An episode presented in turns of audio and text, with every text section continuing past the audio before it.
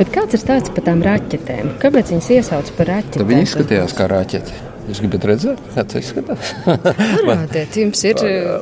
Bobslēgts Zintis Ekmans vēl pirms izrādes mēģinājuma man telefonā rāda, kā tad izskatījās slavenais VF Bobs, ko bobslēja pasaulē 80. gados iesauca par raķeti, un kas iedvesmojas arī Liepājas teātra izrādes nosaukumu. Galvenā ideja bija uztaisīt cik maziņu vien var. Nu, teiksim, lai tā gaisa pretestība būtu pēc iespējas mazāka, tad apsēdināt to laiku bija ķipurs ar šņēpsi, viņš bija pirmais numurs, viņš bija spēcīgāks. Ja? Un var teikt, ka novilka ka viņiem tādu minimālo, tā, lai viņš spētu tikai rokas pakustināt, lai, lai viņš tur spētu iesaisties. Un sāka būvēt ar bolīdu, kas parasti nav tā. Parasti būvē rāmi un tad ņapaudzē ar aptekcētāju. Ja? Bet šeit bija otrādi. Priekš uzbūvēja to raķeti, to bolīdu un tad aizveda uz vefu un inženieriem pateikt, un tagad salieciet tur visu iekšā. Un tas, ko viņi izpildīja VFā, nu, tas bija vienkārši ģeniāli, ģeniāli risinājumi, ģeniāli. Un tā mēs kultūras sižetu eleganti esam iesākuši ar sarunu par sportu un inženieru sasniegumiem, apliecinot, ka šīs jomas reizēm ir daudz tuvāk nekā mums šķiet. Starp citu, izrādās, ka Ekmans pats bērnībā spēlējis teātrī un mūzikas grupā. Jautāju, kā viņš uzņēma ideju par Latvijas bobslēju pirmsākumiem veltītu teātrī izrādi. Nu, Pirmkārt, milzīgs pārsteigums, kad uh, Regnārs man uzzvanīja un, un, un teica par to ideju. Tas neliels šoks, pat varētu teikt. Bet, uh, nu, katrā gadījumā, jā, tad. tad uh, ka mēs tikāmies jā, un, un runājām, tā, tā pārliecība radās. Jā, nu, tad tas puisis kaut ko grib uzbūvēt. Jā, un, jā es ar nepacietību gaidu. Galvenais cenzors ieradies. es tagad tā nepacietību gaidu, kas nu, tur būs pa brīnumiem. Savulaik domājot par unikāliem latviešu sasniegumiem dažādās jomās, režisoram Regnāram Vaivaram īpaši aizķērusies leģenda par treneri Rolandu Upatnieku – par viņa spēju izcīnīt, ka par galveno jaunā bobsleja centru Padomju Savienībā 1980. gadā kļūst tieši Sigulda, ka komandā gandrīz visi sportisti ir latvieši un ka četros gados viņi no iesācējiem kļūst par medaļniekiem. Tāpēc Vaivaram šis pirmkārt ir stāsts tieši par upatnieku. Nu, par cilvēku, kurš iet pret straumi, kurš būtībā visu laiku iet pret straumi un tikai tādā veidā rada ūdens dzirnavs būtībā. Viņš pats ir ūdens dzirnavs. Tas sasniegums ir tiešām unikāls. Neviens neko tādu nav panācis, ka četru gadu laikā no debitantiem kļūst par olimpiskiem medaļniekiem. Un uh, to visu kā, uz nojausmu, uz intuīciju un uh, nedarot tā kā, tā kā visi. Atrodot unikalitāti, nu, tas man, protams, ir ļoti tuvu. Nu, es tā vienmēr esmu centies, man varbūt nav tik veiksmīgi tas tā izdevies. Bet, nu, ziniet, mākslā tā ir tāda subjektīvāka. Sportā ir rezultāti, mākslā tie rezultāti ir. Nu, viņi, viņi ir atkarīgi no, no skatītājiem. Ja, līdz ar to mākslā iet pret straumu ir sarežģītāk. Es neteiktu grūtāk, bet sarežģītāk. Veidojot Rolanda upatnieka portretu, režisors Regnārs Vaivars intervējas ap 20 tā laika bobslējam tuvu stāvošu cilvēku. Pats upatnieks 94. gadā gāja bojā autoavārijā, pēc treneru karjeras beigām vedot automašīnas no Vācijas. Izrādē viņu atveido aktieris Mārtiņš Kalita. Viņš ir arī režisora asistents. Jā, Mārtiņš Kalita, jūra dēls. Jā, Mārtiņš Kalita. Es izrādē atveidoju Rolandu upatnieku. Pašu galveno. Jā. Ja viņam tā liekas pašu svarīgāko. Kalita un viņa kolēģi izrādē Sandis Pēcis un Kaspars Kārkliņš brīdi pirms izrādes jau ir tērpušies sarkanos treniņu tērpos, kuros vēlāk kāps uz skatuves, un viens caur otru ar lielo aizrautību un humoru stāsta par saviem varoņiem. Sāk Mārtiņš. Jo, redz, ja kāds no tiem, kas spēlē bobslēs, viņi varēja sazvanīt savus varoņus, es savu varoni nevaru sazvanīt. Un uh, tad mans varonis tapa sarunās no šīm atmiņām par Rolandu. Runājot ar dažādiem cilvēkiem, ar sportistiem, ar viņu ģimeni, ar citiem cilvēkiem. Un, un skaidrs, ka, varu, ka tas ir katra viedoklis par viņu. Tad es mēģināju saprast, kāds, ir tas, nu, kāds viņš ir bijis. Un kāds jūs priekš sevis izveidojāt to upatnieku tēlu?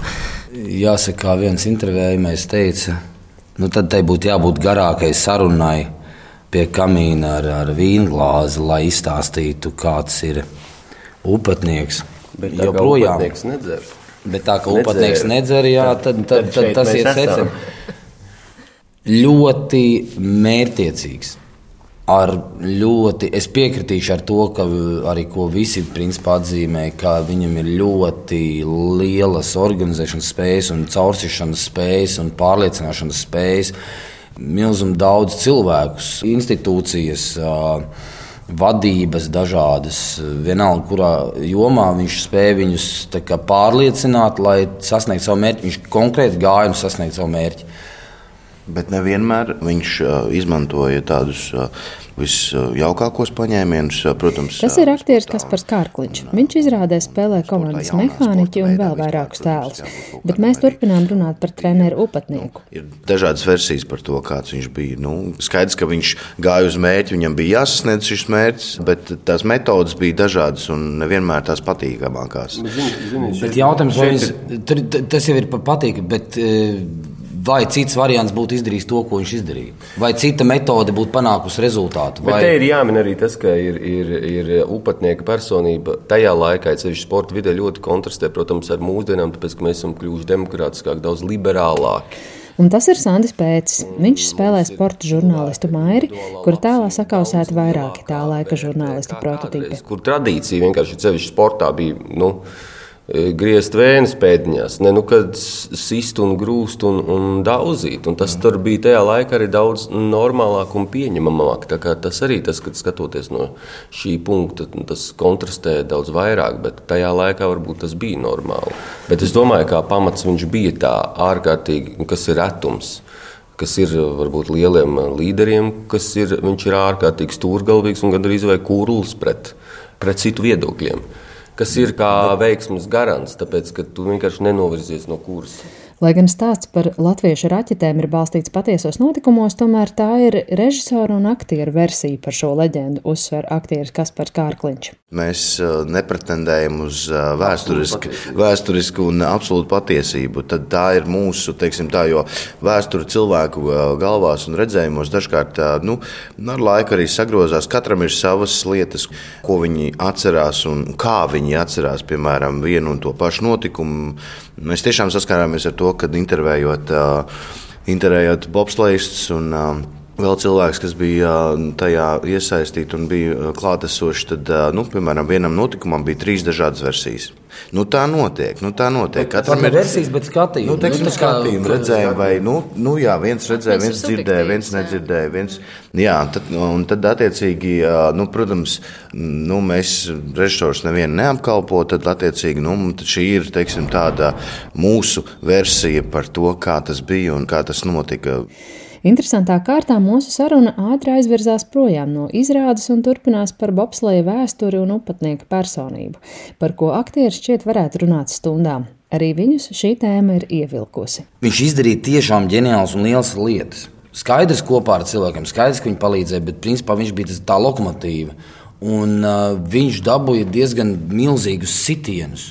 Nu, nebija tā, ka viņu pājāja un, un laudīja to pašu kaut kādā tās latviešu raķetes, ko viņš kā ģeniālu lietu kopā ar saviem mehāniķiem izveidoja, atklājumu, jaunu klājumu, izgudrojumu. Ko principā viņam brutāli aizliedz. Tāpēc, ka netika viņam pāri, nevarēja to izdarīt. Visi rietumi, nu, tā kā. Man, un... patīk, man patīk, ka mēs esam pārņēmuši to, ka tas ir latviešu raķetes. Man, man tiešām tas ir tā kā brīnišķīgi, tāpēc, ka nu, idejiski tas tapa Latvijā. Tiksim, šie te bobsleji, ar kuriem um, izcīnīja 84. gadā bronzu, un uh, bija, nu, teiksim, viņi leģendām apvīti. Un tad, tā bija tā upatnieka ideja un viss tā tā tālāk. bija re- Bet viņu sauc, patiesībā, viņu sauca par krievu raķetēm. Un uh, man patīk, ka uh, mēs tomēr esam pārnesuši to, ka tā ir latviešu raķetes kaut kādā veidā. laikā sāk saukt par latviešu raķetēm. Nu, jā, bet joprojām Nē, nu, man bija arī cilvēki, ar kuriem es kurus intervēju, un uh, viņi joprojām saka, nu, ka sauc tos tā saucamās krievu raķetes. Bet patiesībā. Bo- Tos bobus tā Jā, Jā, jā, jā, jā, jo viņas bija unikālas speciāli. formas, viņas bija unikālas vispār. Konstrukcijas būs tur bija izdarītas pilnīgi tādā laikā nu, neesoši. Viņš izskatījās kā, ja tagad tādu uzlikt, viņš izskatītos moderns kaut kāds. Kaut kas no citas pasaules. Nē, nu, tā bija revolūcija. Tā bija revolūcija. Un, revolūcija un, un, laikā. un tāpēc, tāpēc arī, ka, ko Kaspars pieminēja par to, ka latviešu raķetes, jo viņš Tas bija viens, gandrīz vienīgais sporta veids, kur padomju izlasē, lai tiktu Krievs pie viņa, pie Bobslējā, viņam bija jābūt galvasties pārākam par Latviju. Upatnieks bija savāds principā tikai latviešus. Nu, Tur bija daži arī, uz vienas rokas pirksti saskaitām krievi. Tā nākamā vēl viena tēma, kas tajā laikā, re, kur mēs, re, kur latvieši raķets viens sauc par latviešu, citi par krievu. Re, kur upatnieks gribēja vairāk latviešu. Maskava spieda iekšā krievus. Tas arī bija tas laiks, kad centās izskaust, cik nu var ne, to identitāti nacionālo. Tāpēc, ka savienībai vajadzēja turēties vairāk kopā. Un, un te reko arī parādās, ne viens spītīgi, ne krievu raķets, bet, bet ja ne tās mūsējās latviešu. Tas, tas tieši tā, laikā, tā ir vēl viena tēma. Laikā padomju savienības izlase, kas iegūst medaļas, kas ir, nu tā teikt, nu, top 3, nu, nu, topā, kas ir topā, ar pasaulē. ko rēķinās pasaulē izsit to, ka viņi ir šeit Latvijā. Kamanis būvē šeit Latvijā, treniņi, nu, tā kā bāze ir šeit Latvijā, sportisti ir šeit latvieši, treneri principā ir šeit latvieši.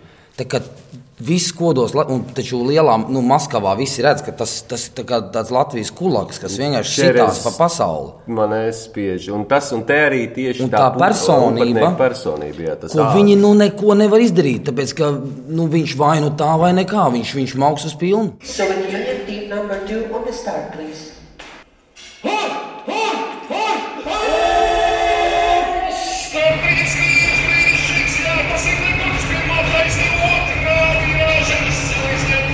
Un izrādes mēģinājums ir sācies. Mūsu vērtējumam tiek nodots otrais cēliens, kas sākas ar 1984. gada Olimpiskajām spēlēm Sarajevā, kur Zinta Ekmaņa pilotētā PSRS bobsleja izlases otrā ekipāža ieguva bronzas medaļas. Izrādē gan visi sportisti ir ieguvuši iesaukas, un Ekmaņa tēls ir kļuvis par Hudīnī, bet bijušais sportists sevi bez grūtībām atpazīst un vismaz viens skatītājs jau pirms pirmizrādes ar redzēto ir apmierināts. Bravo! Super! Respekt! Tiešām! Malači, nu. Kā ir skatīties, es sevi skatos. Man pat asinis piedāvā beigās. Saku. Ah, malači, jā. Ļoti labi izrāda. Un, un, un, teikšu, diezgan tuvu īstenībā. Diezgan, gandrīz praktiski. Regnārs Malaks, viņš ir uztvērs, uztvērs to esenci. Jā, es, es tiešām esmu pozitīvi pārsteigts, jā, ka, ka spēj tik, tik precīzi. Jā. Respekt. Respekt.